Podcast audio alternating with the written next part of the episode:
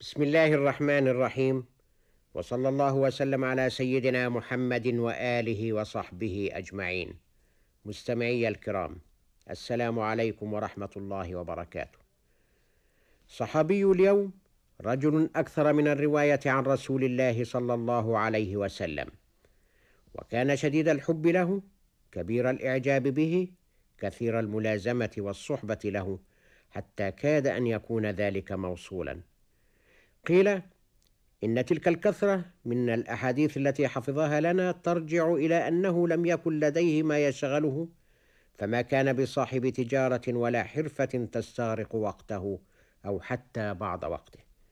ذلك هو أبو هريرة. فأن كان الرسول عليه السلام كان أبو هريرة في مكة والمدينة في المسجد وبين أصحابه في حله وترحاله وفي غزواته. ولقد قال هو ذاته عن ذلك إن إخوانه من المهاجرين كانت تشغلهم الصفقة بالأسواق. وإن إخوانه من الأنصار كان يشغلهم العمل في أموالهم. فأما هو فكان على حد قوله مسكينا. يكثر من مجالسة الرسول فهو حاضر لمجلسه في حضورهم وغيابهم. ومن هنا كانت كثرة مروياته عن المصطفى عليه الصلاة والسلام وكان يقول إنه لو حدث بكل ما سمع لرماه الناس بما لا يحب في بدنه ونفسه. ثم إنه كان يعرف ذلك عن نفسه ولذلك كان يقول ما من أحد من أصحاب رسول الله صلى الله عليه وسلم أكثر حديثا عنه مني إلا ما كان من عبد الله بن عمرو بن العاص فإنه كان يكتب وأنا لا أكتب. معنى هذا؟ أنه كان اميا لا يقرأ ولا يكتب إلا أنه كانت له ذاكرة واعية وحافظة ينظر أن يكون لها مثيل. وكان أبو هريرة يمني الأصل وكان اجيرا لامرأة قيل إنها وجدته فقيرا لا يملك شرو نقير وليس لديه درهم ولا دانق فاصطنعته في خدمتها تكلفه بأي عمل تريده. وتؤجره على ذلك طعامه وشرابه. وكان اسمه في الجاهلية عبد شمس فلما أسلم سماه الرسول عليه السلام عبد الرحمن. وكني بأبي هريرة لقطة كان يحنو عليها ويرعاها في أيام جاهليته. فعرف بأبي هريرة. وإن كان هو يقول كما يذكر البعض أنه يؤثر أن يكنى بأبي هر فالذكر خير من الأنثى والهر خير من الهريرة ولكن الكنية على هذه الصورة غلبت عليه حتى ما يكاد يعرف إلا بها.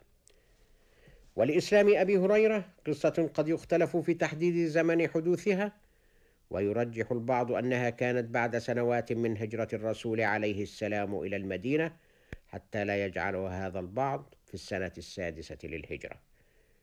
تجري قصة إسلامه كما رواها صاحب الإصابة وهو من هو في إبراز في إبراز أخبارهم أن إسلام أبي هريرة تم على يد الطفيل بن عمرو الدوسي الذي كان مطاعا في عشيرته وكان شاعرا لبيبا فخافت قريش منه حين قدم في جاهليته إلى مكة أن يذهب عن قصد أو غير قصد إلى رسول الله صلى الله عليه وسلم وأن يستمع إليه فيميل إليه.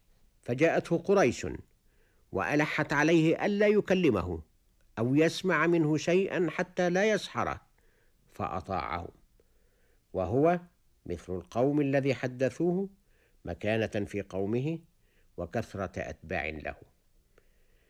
غير أنه سمعه عليه السلام عن غير قصد فأعجب بما سمع فأسلم. ثم عاد إلى قومه بآية سنعرض لها حين نروي قصة إسلامه فتابعه قومه وأموا سمت الإسلام. وأكثر أبو هريرة من سؤاله عما سمع فلم يبخل عليه بالخبر. ثم جاء الطفيل إلى الرسول عليه السلام وهو بخيبر وكان معه أبو هريرة في من جاء فأسهم لهم الرسول مع المؤمنين. وأخذا بهذا الخبر فإن إسلام أبي هريرة كان هينا لينا وقد ظل بأرض دوس حتى أذن الله لهم أن يمضوا إلى خيبر.